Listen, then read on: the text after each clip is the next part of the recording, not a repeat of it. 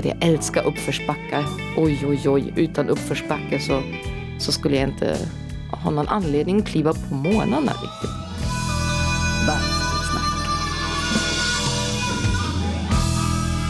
Hej och hjärtligt välkomna till ännu ett avsnitt av Bastusnack. Detta är faktiskt det första tvåsiffriga avsnittet, jajamensan, avsnitt nummer 10. Tänka sig! Va? Vilken succépodd! Denna vecka gästar Ingmarie Pagenkemper bastun.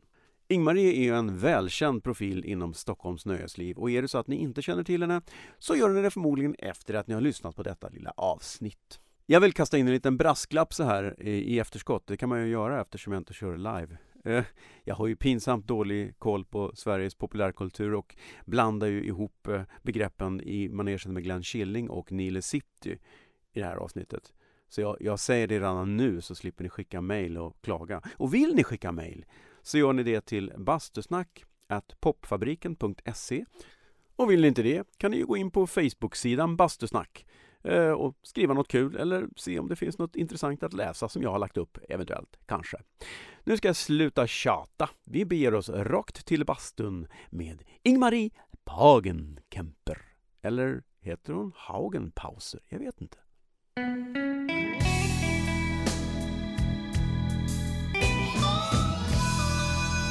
Bastusnack.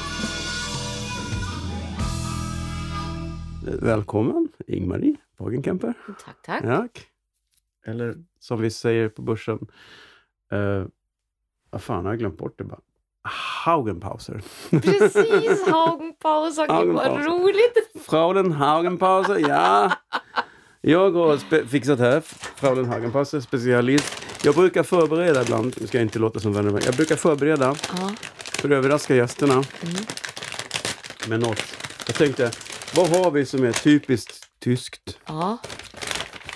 Vi har Apfelstrudel, Åh! men Ica levererade någonting som heter Appelstrul har jag döpt den till. Tackar, tackar. Jag vet inte hur den går ihop med öl, men den kanske går ihop med öl. Allt går ihop jag med tror de öl. kallar det för äppelnystan eller ja, vad fan. Så att, ja, om vi minns det. Jag det ser ut att, som spritsade spaghettini. ja, ja, Men Ja. det, det blir säkert bra. fast det är apfel. Mm. Det, så har vi liksom poängterat att jag, jag försöker ta till med de tyska traditionerna i bastun. Hur är det med bastu i Tyskland förresten? Det är väl någonting som var tror jag, inne på, på 70-talet när folk just i Tyskland hade sina så kallade eh, partykeller. Mm. Partykeller hade ju i princip alla. Det var, det var något litet, någon del av garaget eller ett litet uthus som byggdes om just för, för partybruk. Men det är som vi i Sverige kallar gillestuga då? Typ. Ja, exakt. exakt. Och där kunde det finnas eh, bastu, men annars är det inte alls särskilt vanligt. Och jag skulle ju hellre, nej inte hellre dö, det stämmer inte, men, men det finns ju inte en chans att jag skulle gå in i, frivilligt i en bastu. Ja, nu är det ju... Ja, Okej, det, det kostade jävligt mycket pengar för att få hit det i och för sig. Men I, ex, exakt, exakt. shit, jag var väl den dyraste gästen hittills faktiskt. Japp. Huga. Men du, eh, för att... Eh, för, för de som inte känner dig. Mm. Eh, Finns det dem? ja, det finns ett Ja. fåtal nere i någon liten, liten by i, i västra Småland. Ja, jag har gjort en, en gallupundersökning. Mm. Du kommer ju från, är det, rätta mig om jag har fel, men visst kommer du från met, en metropol som heter Ibbenbüren? Eller, lik, eller liknande. Nej, men det heter precis så, Ibn Buren. Ibbenbüren. Mm. Ja. Ibbenbüren. Och den, vad är den känt för mest då? Eh, sin eh, kolgruva. Och, och eh, hör och häpna, fram tills för kanske bara tio år så var den stan även känd för att ha Europas största diskotek. Hoppla! Japp. Och det är i en stad med bara 40, 49 000 invånare. Men det beror lite grann på att ehm, den ligger precis där eh, autobahnen till Amsterdam går och alltså vid en, en stor knutpunkt för olika autobahn. Aha. Så att folk reser dit från Holland och från hela Tyskland för att gå på den här förfärliga eh, klubben. Jag vet Mhm. inte vad de har för kapacitet, men tusentals. Oj, Mm. Wow. Ja, så det är väl det vi är kända för. Mhm. Kolgruvan som nu ska stängas tror jag 2019 Ja, och det här vidriga diskoteket. Och så, och så för mig. också för dig. Ja.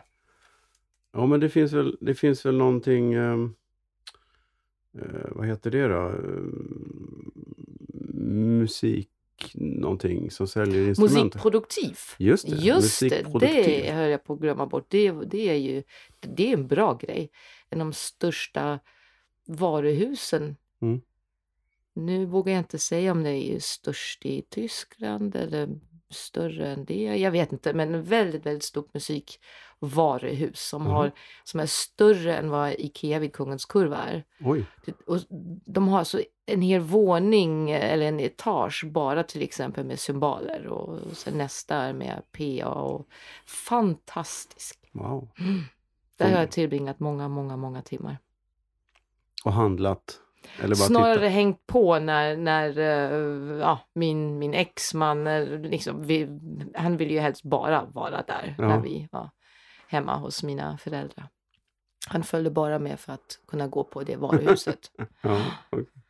Och handla loss. ja, hoppa loss. precis. precis. Bränna vinsten. Det är Mm. bra. Det är bra. Men du, dina föräldrar, vi backar, ta det, gå igenom Mm. lite grann. Ja. De är ju inte kolgruvarbetare då? Nej, Nej. Nej, de, eh, eh, mamma är eh, småskollärarinna. Hon pensionerade sig väldigt tidigt. Eh, så hon har varit pensionär nu i kanske fem sex år. Mm. Och pappa han dog 2012 men han jobbade med, eh, med försäkringar och senare i livet med eh, säkerhet. Mhm. Närmare bestämt med säkerhet vid järnvägen. När det var byggarbetsplatser Ja, så ja. såg han till att det var. Mm, det styrde han upp. Säkert. Mm, ja, precis. Bra. Och du ärvt hans säkerhetstänk. Ja, Jag tänker på konserter och sånt där. Ja. Ja, det är viktigt. Ja. Men hur... hur och så för, för de som undrar, jag vet ju det här så det känns ju fånigt att fråga det, men du kom till Sverige eh, som au pair. Ja, precis. Mm. 88. Varför valde du det? Sverige? Ehm, ehm, ja, alltså ja, mitt, mitt namn är ju svenskt, Ingmarie. Mm. Jag är döpt efter den svenska fotomodellen Ingmarie Lamy. Eh, som mamma såg i en tysk damtidning där i slutet på 60-talet och tyckte både att hon var vacker och namnet var vackert och då, fick jag det namnet. Mm. Så att jag har alltid varit intresserad av, av, eh, av Skandinavien. Så mest semestrade vi mycket i Danmark och jag tror jag hade någon slags här romantisk bild, bild av att det skulle bara vara röda stugor och allmänt trevliga människor och, och eh, när jag valde Skandinavien, men egentligen så ville jag faktiskt göra mitt au pair-år i Danmark. Men så hittade vi ingen där och så kände min mor någon som kände någon och så hamnade jag i Stockholm. Och det är jag jätteglad för. Du har inte ångrat dig? Nej, inte Nej. en sekund. Nej. Du har aldrig känt, fan man kanske ska flytta till? Eller? Inte flytta, men, men däremot kanske bo delar av, å, av året i, i Berlin helst eller Mm. någon annanstans. För att ibland så kan man ju bli lite trött på Stockholm. Ehm, och jag är ganska mycket i Berlin eftersom min lillebror bor där. Mm. Och det är, ju, det är ju en annan vibe. Fast jag vet ju också hur det är när man turistar och så tycker man att allting är coolt. Och när man sen flyttar dit så märker man att det är liksom samma. Same same but different. Mm. Men som, som, som tyska måste du ändå komma in mer än vad en, en svensk turist gör i, i liksom... Ja, ja det, det tror jag säkert. Även om det blir ändå 30 år nästa år att jag bott i Sverige. Ja. Så att häromdagen då var jag bekymrad över någonting och så tänkte jag att jag måste ringa min moster. Och, men, men då kom jag på att jag vet inte ens vad de orden heter på tyska längre. Så jag låg och dividerade med mig själv och sen så sket jag i det. Så att det, det märks ju verkligen Mm. Ja. att, att man har tappat väldigt, väldigt mycket. För du har ju en jävla bra svenska. Väldigt bra. Jag svär hör jag. Du, du har ju väldigt bra svenska. Men gick du Mm. någon sorts utbildning eller du självlärd? Eller har du gått någon sån här svenska för invandrare? Eller? Jag har gått svenska för invandrare. Jag har gått en massa sådana Ja. olika tester och prov. Det var ju också för att snabbt komma in på först på komvux Ja. och sen på universitetet. Ehm, Men jag vill ändå påstå att den, den bästa skolan var just vardagslivet med just de ungarna som jag Mm. jobbade med som au pair. Jag hade en, hon var den ena, hon var tre, ja, tre år tror jag. Så vi, vi, vi lärde oss egentligen prata samtidigt. Mm. Det Det, det var rätt roligt. Har du någon kontakt med dem? På Facebook. Ja. Mm, men inte mer än så.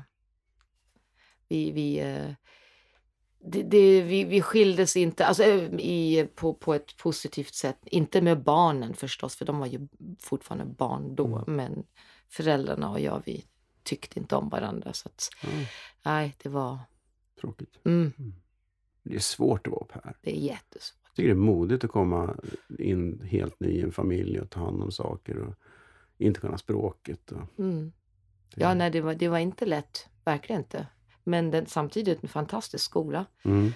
Jag brukar ju alltid säga att om jag hade haft en dotter som vill spendera en tid utomlands så skulle jag ju rekommendera henne att hellre jobba som strippa än som au pair. För att jag vet inte, alltså nej.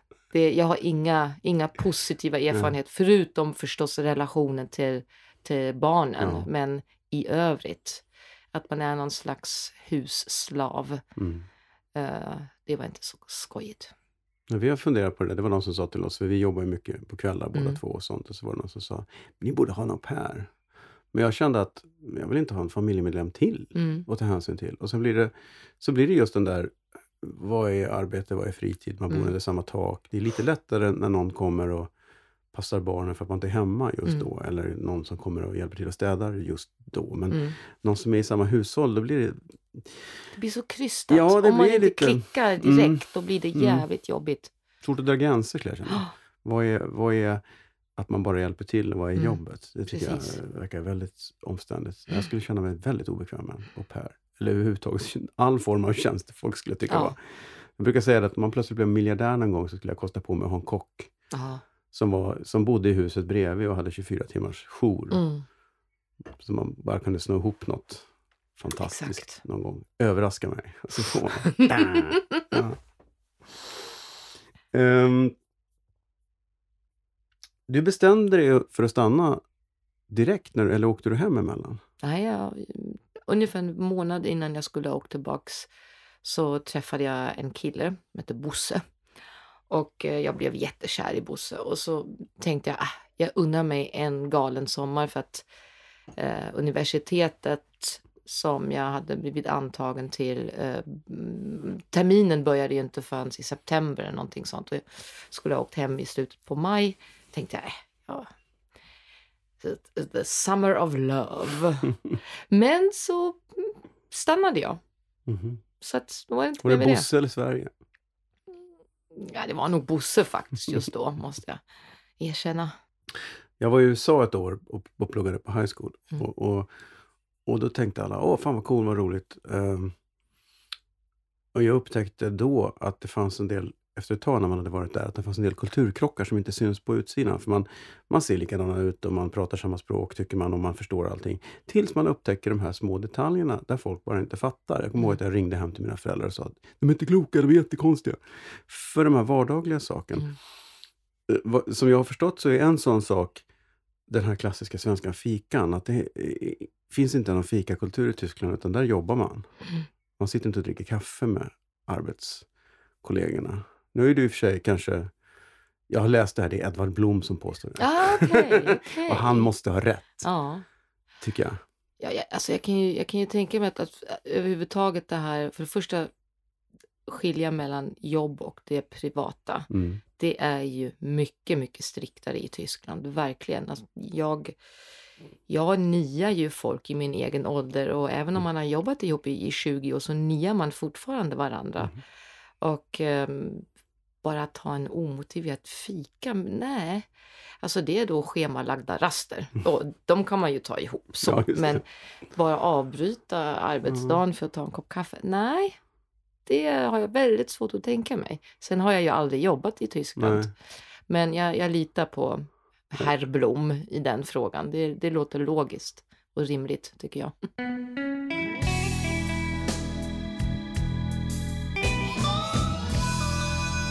Bastusnack.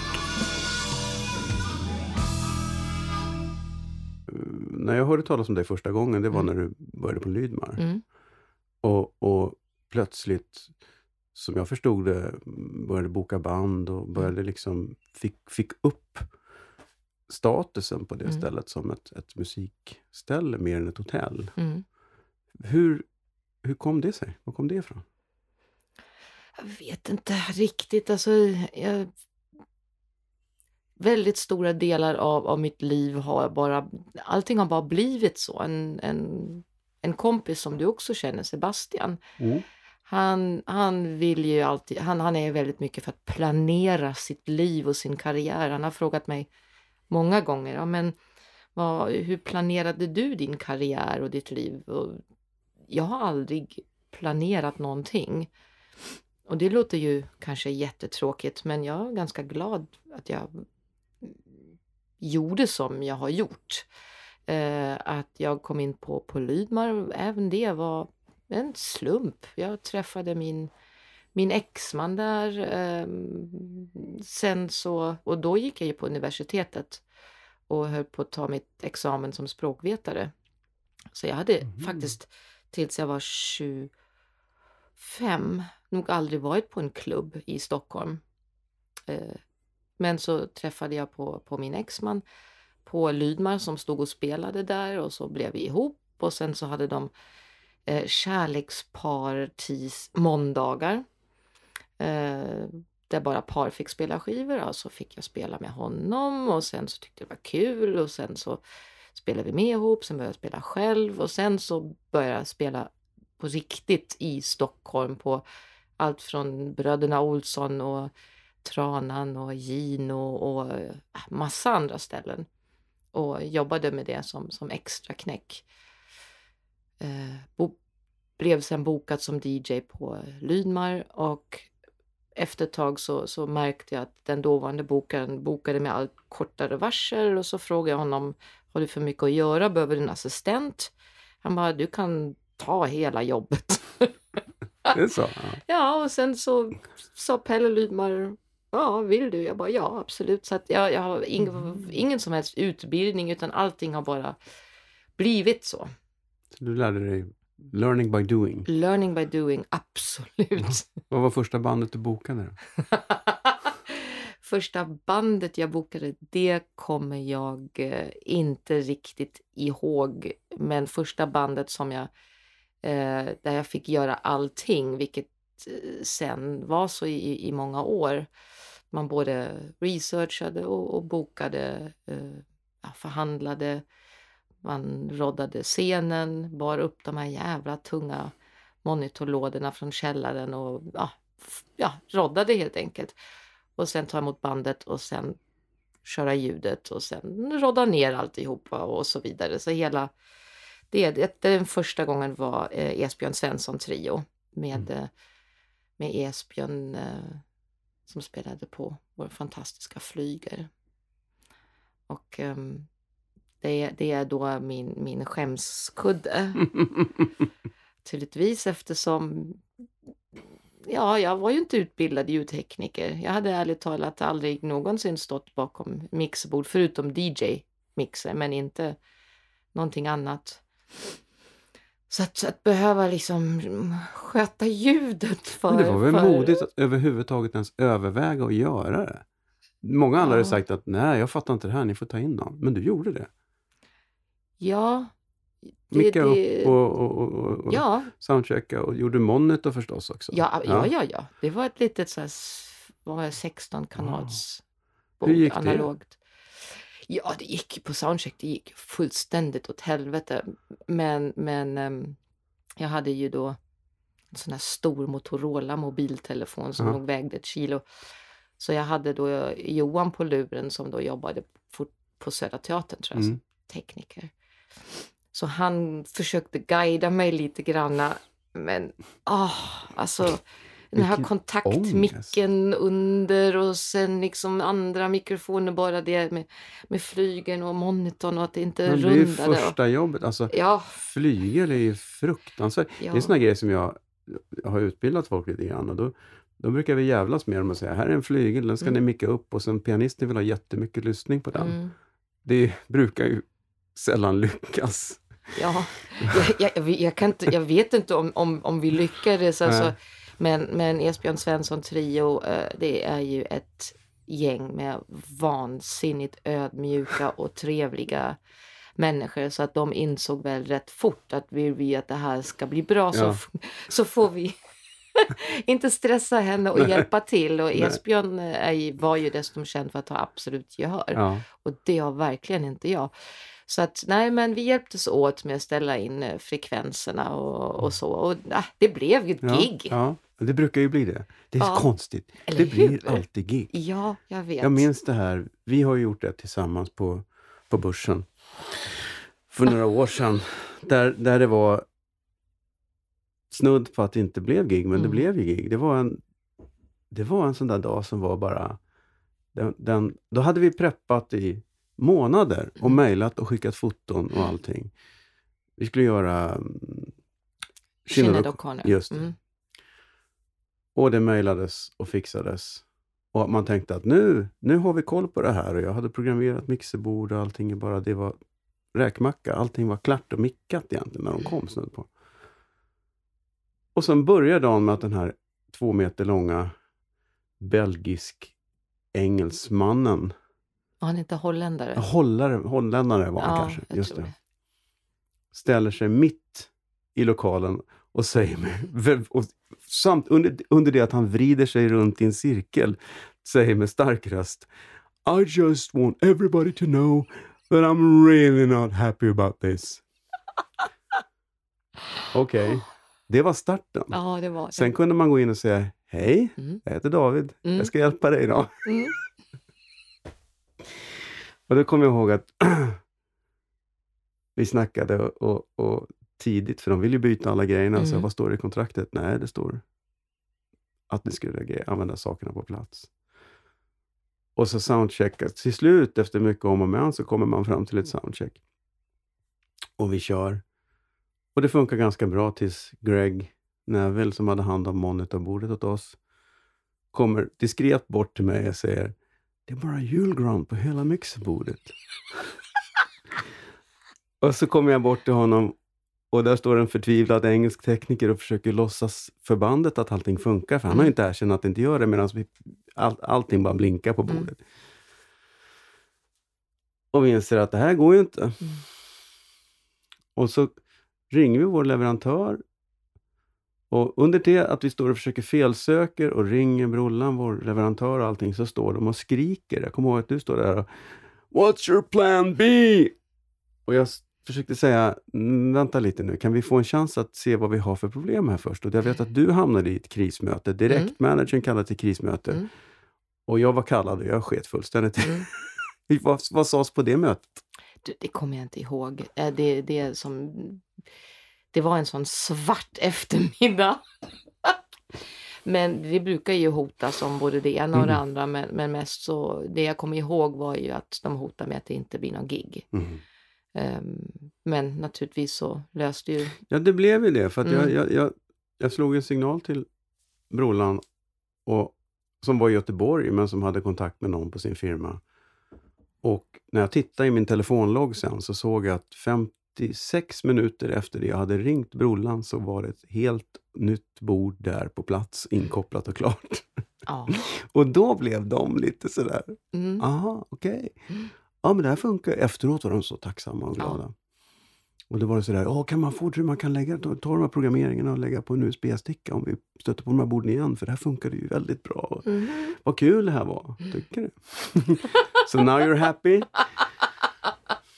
Det var verkligen, det blir alltid gig. Ja, det blir det ju. Framförallt om Mm. man liksom jobbar med med duktiga och ödmjuka människor. Mm. Det är ju lite grann, det, det var ju inte just holländaren, holländaren eller, eller Sinéad O'Connor men, men det finns alltid dem. Jag tänkte på några gig vi gjorde senare med, med eh, John Oates. Mm. Det det- var väl också vilket Ja. mysigt gäng ju... av, av proffs, luttrade proffsmusiker som Ja. uppskattade också att, att vi, eller framförallt ni med, som jobbade med produktion, var så duktiga. Det är, ja, det, är, det är så vackert när det blir så. Mm. Ja, men de var ju vana att åka runt och träffa Mm. folk. Och de vet ju hur det funkar. Men jag tycker också att du har en näsa för... Vad kommer den här näsan för vad som gäller? Alltså, vi bokade in till exempel eh, Macklemore och Lewis Mm, innan de breakade. mm. Samtidigt, det sålde ju ut, den Mm. sålde ut ganska fort. Va? Nej, den Gjorde den sålde inte det? faktiskt inte Nej. ut. Eh, Den, jag tror den stannade någonstans på 600 biljetter och sen hade vi gästlista på det. Men hade vi hade de varit hos oss två veckor senare, Mm. tror jag, då hade, den, eller då hade de antagligen flyttat gigget till något större. Mm. Så att, Ja, de var väl på Globen året efter tror jag. ja, jag tror att de sålde ut två dagar efter varandra. Det var... Men du är lite sådär som Harry Byrne brukar vi prata om på, på Gino. Mm, Han allt, hade alltid de här superbanden bokade typ ett halvår för tidigt. mm. Sen breakade de och då hade de redan varit här. Fast ingen kom.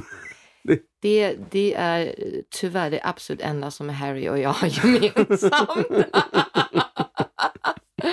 Jo, jag vet inte hur många gånger man har haft någon fantastisk artist på scen och det står typ tio pers i publiken. Och Ja. Sen två månader senare så headlinar Ja. de någon jäkla festival. Man vad fan! ja. Men du har lyckats ändå hitta dem? Eller har du ett nätverk med bokare runt omkring dig som tipsar? Eller? Ja, det är klart man har. Ja. Jag, jag tror nog att jag har näsa visst och jag älskar musik och jag är uppvuxen med det men, men eh, man vore ingenting utan, utan ens nätverk. Mm. Och så, sen är det ju också så, det var ju framförallt då så fanns det ju egentligen bara Lydmar med den Mm. då unika kombinationen hotellobby och musik. Nu har ju varenda Mm. hotellobby Mm. har en musikbokare och DJs sju dagar i veckan och liveakter. Men då var vi rätt så ensamma om så att det, jag, kunde ju, jag fick ju liksom upp till en IKEA-kasse i veckan med promo Mm. då CD-skivor med folk som ville spela. Så att det, det, det var snarare svårare att sålla vad, Mm. vad passar, vad, vad kan vi göra. Har du breakat dem. någon då? Har du plockat fram någon som breakade tack vare att du att de fick chansen? Det, det är finns... du för blygsam för att erkänna? Ja, det, det finns aldrig bara en spelning. Nej, Nej. nej. det, det skulle jag aldrig påstå. att Nej, det tror jag inte. Men sen efter Lydmars så Mm. gick du till Berns? Ja. Var du, kände du att du hade kört, gjort allt du kunde göra på Lydmar? Eller var det så att de, de ville ha det på Berns väldigt mycket? Eller, eller kände du att du var lite klar med det konceptet? Nej, det, faktiskt, det var ju verkligen inte så. Utan uh, Lydmar lades ju ner. Just det. Det såldes ju Mm. till... eh, den såldes... ah, den, den blev i alla fall någon försäkringskontor. Lokaler för en försäkringsbolag. Men flytt, de eh. flyttade väl också? De- Det finns väl kvar? Flyttade de inte Lydmar till? Ja, men det var några år senare. Det Aha. pausades först. Aha. Och, sen, och, och, och, och det var andra ägare då också. Mhm. Ehm, nej, utan det... Anledningen var nog bland annat att, att eh, de, Lydma hotell blev ålagt att um, göra en stamrenovering. Ehm, och det är ju väldigt dyrt när man har ett hotell med så Ja, många badrum. mm, Så att då valde mm. de att, att skita i det. Mhm. Och det vart ju i alla tidningar och vi fick underskrifter från på riktigt från hela världen med folk som protesterade. Och på den tiden så trodde jag fortfarande att minsann jag ska ändra på det här beslutet. Eh, så vi stod ju på barrikaderna men det hjälpte förstås inte. Så att eh, det lades ner i mars 2006. Och sen var jag faktiskt först ett halvår på Södra Teatern som producent. Men trivdes inte då. Eh, och blev sen rekryterad till Berns samma år, i slutet på det året. Det var någon som kom på att vänta nu, den, hon har nog koll Mm. på det här med... Mm. När du klev in på Berns, vad var det för koncept då som du tog tag i och ändrade och gjorde om? Eller, eller var det bra som det var? Ja, det var verkligen inte bra som det var. Det var ju tomt. Mm. Um, eh, konsertverksamheten funkade. Harry Byrne var då konsertbokare. Mm. Eh, och jag ehm, blev väl lite granna inkuppade. inkuppad. Um, och blev då först bara musikansvarig för restaurangdelen med uppdrag att göra lite Lydma-eska saker, det vill säga lite, lite band som står mitt i restaurangen och, och DJs och så. Och sen byggdes ju även nattklubben i källaren. Så jag bokade där och, och terrassen har ju också DJ. Så att, eh, men sen efter ett tag så f- av en massa olika anledningar så fick jag även Kinateatern Mm. i knät inom citationstecken. Och eh, blev chef för hela musik och konsertavdelningen. Så allt på Kina som inte var teaterföreställningar då alltså? Jo, teaterföreställningar Jaha, också. också? Mm. Aha. Ja. Det visste jag inte. Wow. Men det var ett Mycket. ganska kort tag. Ja, det, det var mycket. Men, men sen, med, det, det vet ju du, just musikaler, teaterföreställningar, de blir ju bokade med så extremt lång framförhållning. Mm. Så jag hann aldrig göra någonting överhuvudtaget förrän det såldes till då Vicky, eller hur? Mm, Tui va? Ja. Och, ja, jag tror... Precis. Ja, just det. För Berns ägde Kina. Mm. Så var det. Men det var Wallenberggruppen va, som ägde Berns, eller? Nej, inte då. Då var Nej. det en, ett, ett engelskt fastighetsbolag. Mhm. Jag har glömt bort vad de hette. Very Good Buildings Incorporated. Yes, yes, Kanske. yes. Mm. Mm. Men då är du på Berns och sen så blir du draftad till börsen, eller? Hur Ja, det till? precis. Nej, det var väl... Alltså, naturligtvis så stod ju alltid ekonomin först i rummet på Berns. Det gör det på alla aktiebolag, det är inga konstigheter med det. Ehm, så att i, i samma takt som Berns lokaler blev mer och mer attraktiva för att göra konferenser, företagsevents och så vidare, desto färre konserter fick jag göra eftersom de eh, sämre lönsamhet Mm. på en konsert än vad det är på ett företagsevent. Så att sista året så fick jag bara boka typ söndagar och måndagar och det är ju inte riktigt så konsertvärlden funkar. Att artister anpassar sitt turnéschema efter vad jag har för lediga dagar. Så att det lite grann självdog och då dog ju också min lust och min Mm. motivation. Ehm, så att när, när, då, när jag fick erbjudandet eh, av Solfors och testa mina vingar som, som VD på Hamburg Börs så tänkte jag, "Oh, what the hell, ja, visst. Men här kommer du återigen in på ett ställe som inte går direkt lysande. Och så ska du vända det också. Mm. Det verkar vara din lott att Hej, vi Ja. tjänar inga pengar här. Kan inte du komma hit? Ja, och jag älskar det. Jag älskar Ja. uppförsbackar. Ja. Oj, oj, oj. Utan uppförsbacke så, så skulle jag inte ha någon anledning att kliva på månaderna riktigt. Jag vet inte. Jag vill ju gärna liksom göra skillnad. Mm. Jag tycker det är kul. Och så kom du dit. Och då började du faktiskt göra någonting som vi hade ju inte haft det på ganska många år. På 90-talet så var det ju en hel del konserter. Men vi hade ju tappat lite Mm. det. Och då bokade du ändå in en hel del. Det tyckte jag var det var jättekul. Jag hade knappt hört talas om någon tror jag. Mm. Alltså, Who's that? Anthony Hamilton? Ja. Jag vet inte men det sålde ut. För det Ja, sålde ut. My God, ja. Woff, det var ju kul. Det var väldigt roligt. Vad Fantastiskt. Ja. Chaka Khan, det var ju... Sålde också. Så hade, Ja. Vi hade lätt kunnat göra två dagar med henne. Mm. Och vad var det mer? Det var... mm, Ja, det var ju um, Macklemore och Ryan Lewis. eh, Och så var det ju John Oates. Och så var det ju han surmuppen vars namn jag... ehm, eh, vad hette han nu igen som spelade? som nästan ser lite Donald Trumpish ut. American Pie-killen. Ja, ja, American Pie-killen. Tänk att man Ehm. aldrig lär sig vad han heter. Du menar Don McLean? Don McLean, exakt. Visste att jag kom på det där någonstans. Ja, men vilken tur. Jaha, det, det giget har jag nästan förträngt. Ja, det förstår jag. Det var ju inget att riktigt lägga så... på minnet. Nej, kom det någon? Ja, fast det, men att till och med du och jag som är väldigt duktiga på musik, vi blir ju lite så här, vad fan var det han hette igen? Han, han. Eh, så att nej, det, det sålde inte alls Nej. särskilt bra. Jag tror att det låg runt 300 kanske, Ja. som var så här sittande. För att Just. det ska se full Ja. ut och vara mer folk än vad det var. Men det är klart det är svårt att ha en one-hit wonder som hade sin hit på 70-talet. Ja, Det är ju, ja, men det var ett, det var ett ja och, så, försök. och så hade vi ju Sinéad och sen så Ja. hade vi ju Alex, den svenska artisten. Ja, det var väldigt bra tycker jag Ja, mycket, mycket bra. Och, och lite sånt. Jag vet inte om det var många fler konserter vi hann med. Det är ganska många. Jo men du, vi gjorde ju något konstigt badkarsgrej också. Var det du? De här... Ja, det jag och jag. Eh, vi var väl fler om att Ja. bestämma oss för att ta in det. Just det. Soap. Soap, precis. Mm.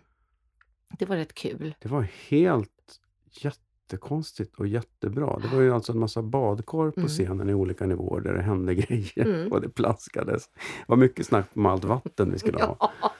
Alla var skitnervösa. Det kommer aldrig gå! Men det gick Ja, visst. bra. Visst. Det var knasigt. Det var väldigt svårt att marknadsföra.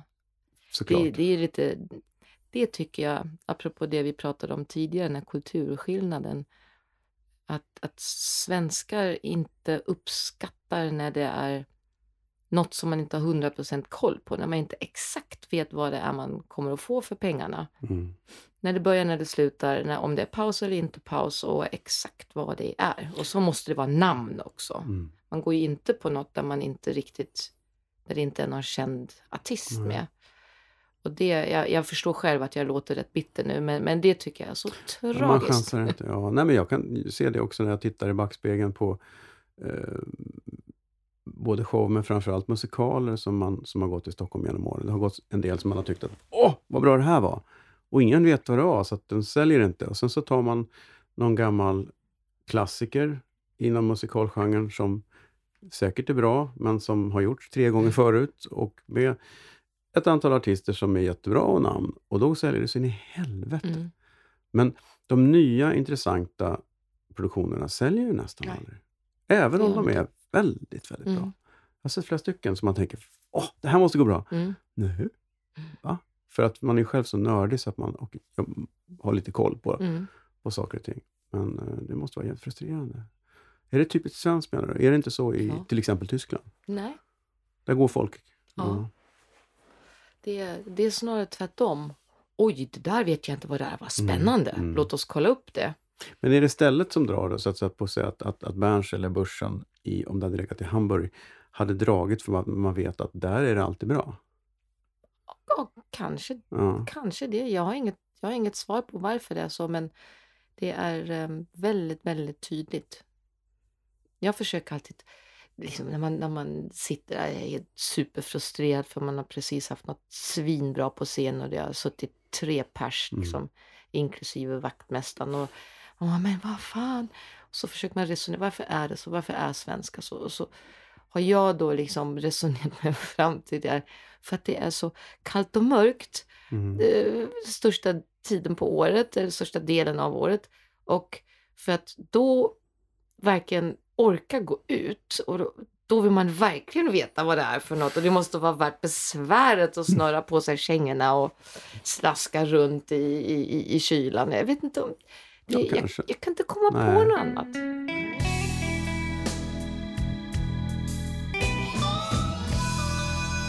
Bastusnack.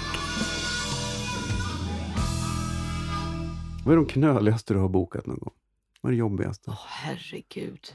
Jag har bokat så många så knöliga människor. Alltså det, det eh, alldeles i början. Eh, nej, det kan ju inte ha varit. Jo, det var visst i början. Då var det ett, ett då ganska stort band i, i England i alla fall som hette Brand New Heavies. Mm. Ehm, som hade en sångerska som hette Andia Davenport som sen gjorde solokarriär. Och Brand New Heavies var ju känd för Svenne Banan för signaturmelodin i Sen kväll med loop tror jag. Eller någonting med, med Är det inte Killing i som är Killing? ja, någonting i alla fall. Något, Ja, precis. Mm, ja, någonting var det i alla fall som, Killing jag. Ja. som alla kände igen. Mm. Ehm, så att, men Andia Davenport var på eh, promotion tour och spelade då på Lydmar. Och det var ju innan eh, rökningen förbjöds. Men hon hade inskriven i sin rider att, att ehm, förutsättning för att de ska uppträda är att det inte röks i lokalen. Och det är ju väldigt svårt i en hotellobby med fri entré och Mm. alla röker och jag kutade runt som en jäkla dåre och eh, tvingade folk att fimpa, kasta ut folk och what not. Och sen när hon, när hon äntligen gick på scen så var det första hon gjorde det var att hon tog fram en cigg och tände den och sa jag tål bara min egen rök. Jävla mupp. Ja, ehm, och sen gjorde hon en, en jättebra konsert men som, som ändå slutade i bråk för att det enda publiken ville höra var att hon skulle sjunga den här signaturmelodin som och hon ville ju inte vara förknippad med Brandy Heavies.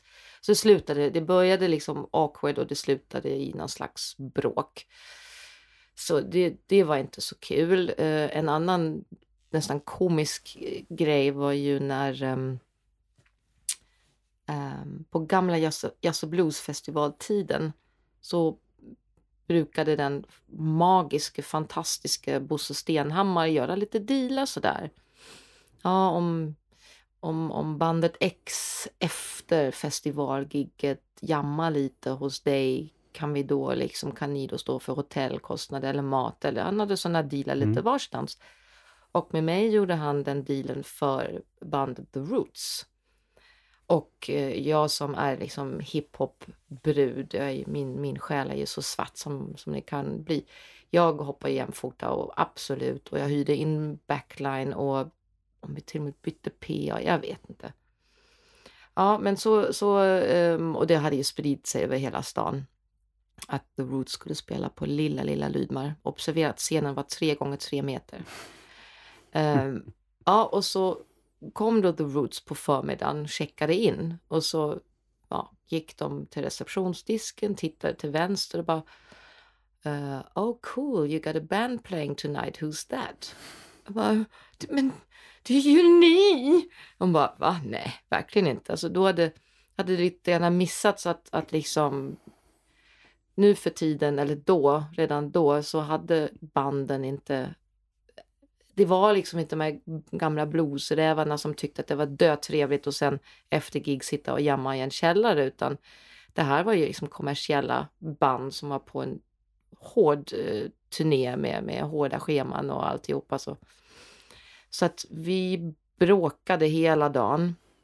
Deras turnéledare eller manager, jag vet inte vad hon var för något. Eh, någon från Jazz och bluesfestivalen och jag. Och jag var dessutom konferencier den dagen på Jazz och bluesfestivalen. Så så fort jag inte var på scen så stod jag och skrek i telefon och, och min, min dåvarande chef Pelle Lydmar han sa antingen får det här att funka eller du behöver inte komma tillbaks till jobbet imorgon och så vidare och så vidare. Och till sist eh, efter att ha mutat bandet med, jag vet inte, ett, två eller tre tusen dollar så klev de på sa att okej, vi kör tre låtar. Och som alltid när bra musiker, när de väl är på scen så är det ju... Ja, de, jag tror de Mm. spelade en och en halv timme och det var ett legendarisk gig. Ehm, och det, det roliga med det hela, eller det fanns två roliga grejer. Det ena var ju att de hade beställt en vegetarisk buffé som våra kockar som också var hiphop heads hade liksom fixat fantastisk hiphop buffé. Men ehm, så fort bandet fattade att oh, you guys got McDonalds så var det ju ingen som rörde den här buffén och, och för att inte göra våra kockar ledsna så skickade jag upp all personal bara ät nu från den här jävla buffén så att det ser ut som om de har ätit. Men sen så slutade vi ändå kvällen med att Questlove, alltså trummisen, Han kom ner och bara I'm so hungry. Så vet du vad, vi kom vi gå till köket. Så han och jag, vi, vi satt i köket och åt direkt ur kastruller och, och pratade. Det var jätteroligt. Cool. Och sen det ännu, nästan ännu roligare var att på den tiden var det inte så himla vanligt med mobiltelefon. I alla fall inte tourmanagern än. Så hon tillbringade ju, jag vet inte, uppenbarligen tim, timmar med att ringa till USA från då rumstelefonen och då tog man ju naturligtvis betalt. Så att de två eller tre tusen dollar som jag mutade dem med fick jag tillbaks med råge på grund av telefonräkningen. Men den, den dagen, det var en av de värsta och roligaste samtidigt. Härligt. Mm. Vill du göra om det? Alltså vill du gå tillbaks till, till den nivån? Är det för stort nu? Är det för mycket? Du är inte så mycket på golvet på det sättet. Jag menar, du är på golvet, du är väl med, men Ja. Jo, det skulle jag. Men däremot så eftersom jag nu de senaste åren har mera jobbat som VD än som bandbokare så har jag ju mycket, mycket sämre koll. Mm. Men em, jag älskar det ju fortfarande. Jag älskar det här med att behöva lösa problem här och nu och eh, förutse problem och ja, jag, jag, jag tycker om det. Och framförallt det här med när man, när man får känna att man har varit en del av en, en magisk kväll. mm. Det, är, alltså, det finns ingen bättre känsla. Du blev ju draftad igen där från början. Du sa, för du slutade ju inte på, på börsen utan de, de kom och sa Mm. Hallå, ska Mm. inte du börja på Södran? Mm. Hur kändes det? Det kändes jätteroligt. För att, menar, du vet ju också att det blev ju inte riktigt på börsen så som jag trodde. Eller Nej. också hade blivit lovat att det skulle bli. Det var inte så mycket konstnärlig frihet och, och så. Ehm, så att det, det, jag tyckte det kändes, det kändes jätte, jättekul. Ehm, jag vill inte på något sätt, ehm, eller jag, jag ångrar inte, hur många månader var jag där på, på börsen? Jag tror ganska exakt 20 månader, ett år och åtta månader. Det är, var en, en väldigt speciell tid i mitt liv och jag har träffat jättemycket underbara människor som jag än har mer kontakt med än med många andra, bland annat med dig. Ehm, men det var, det, det var inte för mig. Nej. Hade det kunnat bli det? Ja, det? Var det för att det var...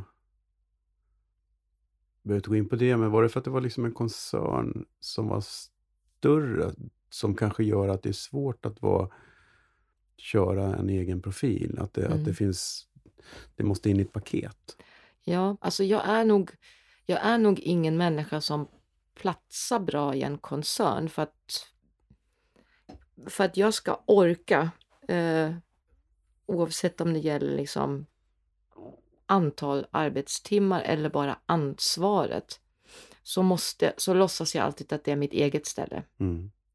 För annars så skulle det liksom, why bother? Men eh, om jag vill göra ett bra jobb så, så måste jag tro att det är mitt, mitt hus, mitt pang. Och det är ju väldigt svårt när det är en del av en koncern Mm. där också många funktioner ligger på något huvudkontor. Så att eh, det var säkert en av anledningarna att jag inte kände att jag hade fullständig kontroll heller. Mm. Är det annorlunda nu? För nu har du förstås en styrelse ovanför dig Mm. också, men det är ju mer fokus på, på stället i sig. Det är ju inte 15 andra ställen Nej. som är likadana inom. Precis. Nej, jag, jag går runt och, Mm. och tror mig äga hela huset. Absolut. Men där är det ju återigen samma sak där. Hej, kan du vända våra förluster till vinst? Ja. Har du lyckats med det? Ja. det är bra. Vad är receptet? Ja, Engagemanget eller är det ekonomiska finurligheter eller är det... Alltså, jag är, jag är inte alls duktig på ekonomi. Det är min ekonomichef, som du också känner, Jeremy. Han får varje månad förklara för mig hur jag ska liksom läsa hela månads eh. Mhm. Hur var det nu igen? När det är rött och minus där, är det ändå positivt? Eller hur var det nu? Liksom, det, nej, jag är Är inte... avskrivningar bra? Ja, eh, ja, så att det är jag inte alls bra på. Nej. Ehm, Men Ja, är du organisatorisk då? Ja, alltså är det, har du en förmåga att se att här blöder vi, det här, den här biten är för det här är Mm. onödigt, det här kan vi göra så här med eller? alltså jag, jag, jag tror att det, Mm. att det kanske, för att jag ändå, oavsett vad jag haft för jobb så har jag alltid varit mycket på golvet. Mm. På gott och ont, för, för jag har väldigt svårt att lyfta blicken. Jag är ingen bra visionär utan jag är så här, om vi plockar glas lite fortare så kan vi, jag är väldigt, nu för tiden kallas det för micromanagement, Mm. vilket jag får mycket kritik för av, av mina kollegor. Ja, men är det inte bra då? För jag, jag, jag vet ju att när vi refererar till börsen Mm. igen. Allan Evans ägde stället. När han tog över som ensam ägare. Mm. Det första han gjorde att han var ju där varenda kväll. Mm. Och han drev ju all personal till Mm. vansinne. För att Mm. mm. sa, fan gör du här varje kväll? Du Mm. ska ju vara på kontoret. Men han såg de här små detaljerna. Han Mm. sa, ser du den här killen? Ja, vadå? Han, ska, han ska bli hovmästare. Vadå? Ja, men han är en kasservitör, men han, han ser den här servetten som någon har tappat. Han plockar upp den. Han, ser, han hjälper gästen här, men han är värdelös. Men han ska vara, han, honom ska vara som hovis. Mm. Och, Mm. och, och just de här prylarna, han, som han, i och med att vara där så såg Mm. han det. Och han såg eh, vad som händer i köket och så kunde han gå in och pilla. Mm. Eh, och jag tror att det är, mm, det är en styrka att en chef vet hur verksamheten fungerar. Det är ju inte alltid det är så. Nej. Eh, men du har ju ganska bra koll på verksamheten både på restaurang och underhållning. Så jag tror det är väl bra med micromanagement där. Men det är kanske bra att ha visioner också. Men Ja, men framförallt så tycker ju då mina, mina kollegor, vad då litar du inte? Varför kollar du nu för tredje gången den här Mm. veckan om vi har gjort utskick till hotellen inför Mm. midsommar? mm, Vi har ju sagt att vi ska göra det. Eh, mm, Så att det, det är väl, det är väl på, på gott och ont, men återigen, det är ju för att jag låtsas att det är mitt hus. Och mm, då låtsas jag också att det är mina pengar och då ska jag banne mig säkerställa att alla gör sitt absolut bästa. Men, men tillbaks till din fråga, det är väl kanske det att eftersom jag har varit så mycket på golvet och på många positioner så vet jag ju också ungefär hur fort det bör gå, hur många personer det de facto behövs. mm, Så att det, det är väl det att, att jag kan, jag är ganska bra på att anpassa organisationen efter vad det finns för resurser. mm, Eh, så jag har ju liksom, jag har ju sagt upp väldigt många människor genom åren och det är, det är bland det värsta som, som, som finns. Men man, om man vill att ett företag ska överleva så har man ibland inget val. mm. Nej, men det är ju, det finns ju också gungor och karuseller. Jag vet Mm. att eh, jag undrar lite, gör, gör du så nu också? För vi, du och jag har snackat om det någon gång. Att Mm. När vi höll på på börsen och, man, och det var något projekt, något band eller någonting som man ville göra. Så man tänkte att det här kommer inte att dra så himla mycket folk. Mm. Men vi vill göra det ändå. Mm. Ja, men vi har ju Volvo som vill vara här fem dagar också i maj. Och då kan vi ta hur mycket betalt som helst. Vad bra! För då kan det få delfinansiera det här projektet. Har du möjlighet att tänka så också? Att, att du kan... Viss kultur måste få finnas även om det inte är utsålt. Absolut. Ja, självklart så, så gör vi ju väldigt mycket. Sen har vi ju, eh, vi ägs ju av Riksteatern Mm. och de eh, lägger ju väldigt, väldigt, väldigt många gig som är just det, det är något, det, det smalare, det Mm. som kanske inte är ekonomiskt eh, gångbart eller möjligt så. Ehm, så att vi, vi som bokar på Södran Ehm, vi får bara väldigt sällan göra gig där vi i förväg vet att det kommer inte gå ihop. Men våra ägare gör mycket hos oss som, som eh, är just sånt. Mm. Så att tillsammans blir det ändå ett väldigt, väldigt spännande utbud. Ett väldigt brett. Ja.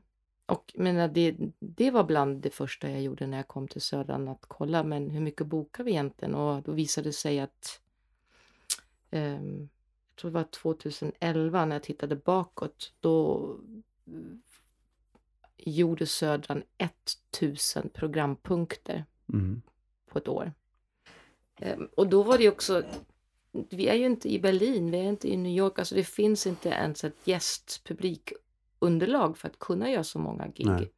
Så att då ströp jag det till en, ungefär 600 programpunkter. Och eh, då var det många, eller flera journalister som kontaktade en och undrade, jaha, så att nu ska ni liksom strypa och vad är det då som försvinner och, och ni som alltid har stått för det, det, det udda och det liksom inkluderande och det smala. Hur blir det nu då? Och så, då brukade alltid mitt svar vara, är det något du saknar? Mm. För att det är inte så att vi strök hela genrer, men man behöver kanske inte göra 20 samtalsserier per kvartal. Det kanske räcker med en Mm. som är då som man har hunnit jobba mera med. Också marknadsföringsmässigt så att det de facto kommer folk. Eh, så att vi bara bantade ner hela programmet. Men det kanske blir mer lättöverskådligt för gästerna Ja, också. Absolut. Det, har, du ändrat, Absolut. har du tittat, har du ändrat marknadsföring? Hur man säljer in stället? Ja. Någonting? Ja, absolut. Mycket. Att det tyckte jag också var mm, sp- spännande med Södran att det, det kändes, jag förstod eh, att många stockholmare, alla känner till Södra Teatern men alla tror Mm. att vi bara anordnar jätte, jätte svåra och krångliga teaterpjäser. Många vet inte ens att vi har mycket konserter eller filosofi för barn eller nattklubbar eller liksom att vi har hela Mosebacke terrass med där man bara kan dricka bärs och, och hänga utan vi uppfattar det som en väldigt grå och lite skrämmande institution. Och eh, det har vi ju jobbat jättemycket med att, Mm. liksom, att, att sänka tröskeln. Det är inte så farligt att komma till oss. Man behöver inte ha ett universitetsexamen. Det är inte så jävla intellektuellt. Nej, det alltid. är det inte. Vi, vi försöker bara göra liksom bra Mm. grejer. Mm. Ja, ja, jag tycker det. Gratulerar till framgångarna. Vad är nästa förlustprojekt som du vill landa på? Du, jag, jag är inte klar med Södran på Nej. långa vägar. Absolut inte. För att den, det, är fortfarande väldigt, väldigt eh, skakiga ben som vi står Mm. på. Det, det räcker med en regnig vecka i augusti för att man ska vara tillbaks. Det, så fort går det inte. Ehm, men nej, och jag älskar, älskar mitt hus. Ja, Södran då.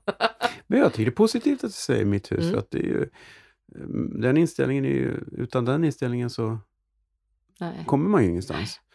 Eh, Man, man kan ju inte vara där, man kan inte ha ett dom och vi-tänkande när man är chef eller när man jobbar ens, Nej. tycker jag. Jag tycker man ska känna så med alla arbetsplatser att det här är vårt just nu. Precis. Men vill du inte ha det någon gång, eget då? Vad är dröm? Kan inte du ha en egen klubb eller teater eller multikulturhus eller något sånt? Ja, alltså jag vill ju helst egentligen bara ha en, en, en enkel bar.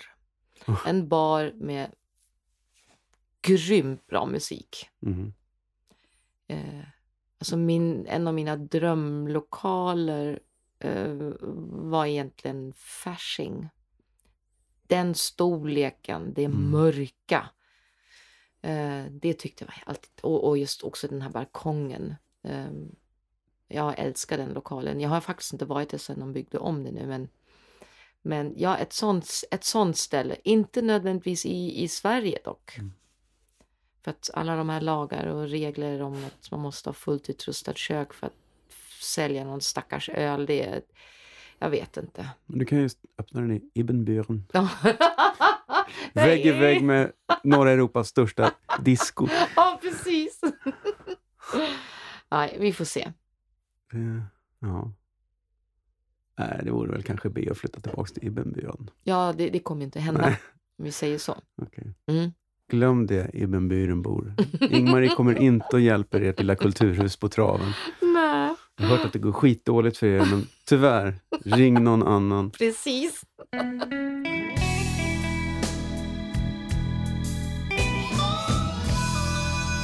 Bastusnack.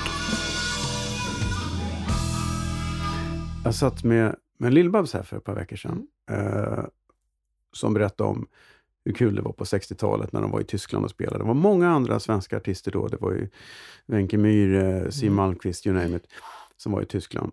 Secret Service. Secret Service också, ja. Just det. Dock inte på 60-talet, Nej, eller 80-talet. Men, ja, mm. men eh, när du var tonåring i Tyskland, hade du något begrepp om svenska artister och svensk musik då?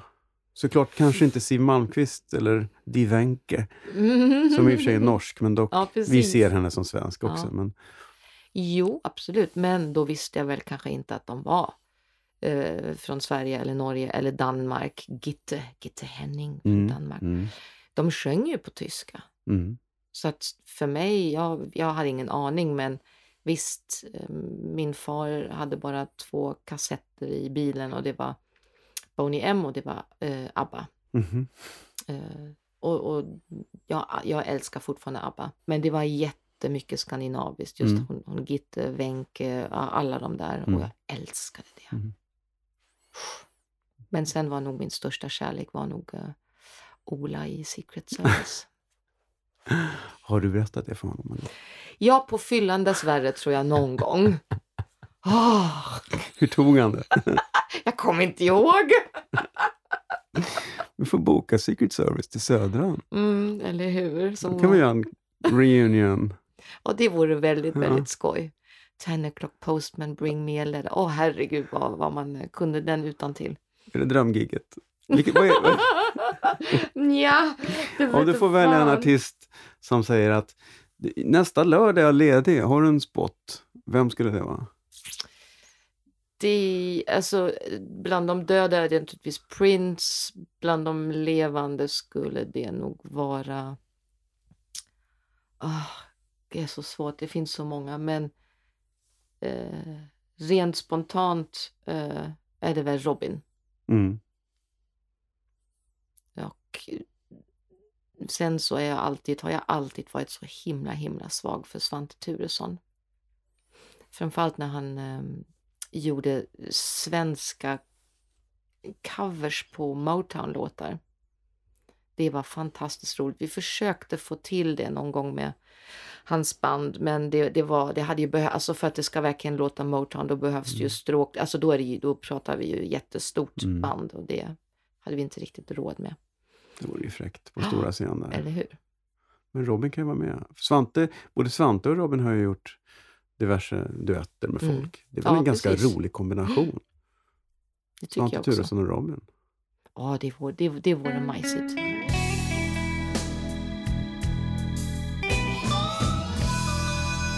Bastusnack. När du åker på semester så åker du nästan alltid till Kroatien. Ja. How come? Därför att ehm, jag hittade en, en ö där som heter Hvar. Som inte bara är fantastiskt vacker och har så rent och klart vatten. Och, men framförallt så spelas det så bra musik där. Ah, Det, återigen. det, ja. det är så, det, vi var helt chockade när vi var där första gången för det är ju inte en turistfälla men det är väl Kroatiens Saint-Tropez. Mycket B och C-kändisar och massa flådiga båtar och what not. Men ändå, varenda bar, varenda strandbar eller vad det nu kan vara spelar jättebra musik. Och ja, mycket mer än så behöver man ju inte än havet och solnedgång och kroatisk rosa bubbel och riktigt bra deep house. Så du behöver aldrig åka till Thailand och sådär, utan du drar ner dit? Jag försöker att inte åka till diktaturer. Nej. Nej. Det är en bra inställning tycker Ja. jag.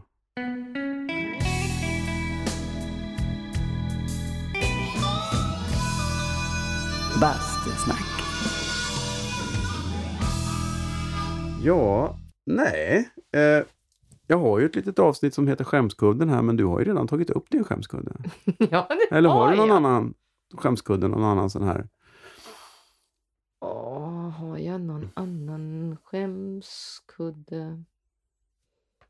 Jag tycker inte det var så mycket skämskudde egentligen, för jag tycker det var modigt och eh, stort att du vågade ge dig in i det där. Många andra hade ju bara åkt hem.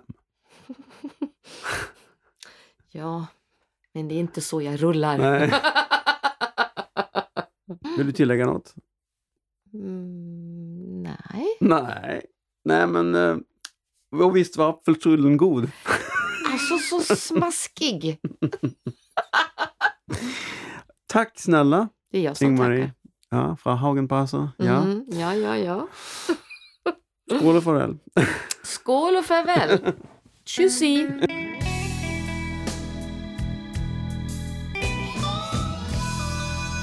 Bastusnack.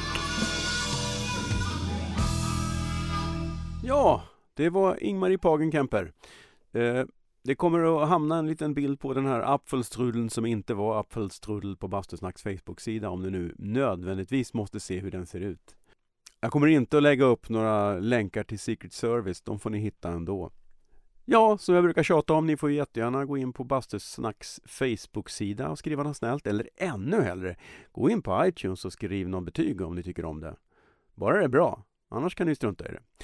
Eh, ha en fantastisk fortsatt vecka i väntan på nästa spännande poddavsnitt och eh, basta försiktigt.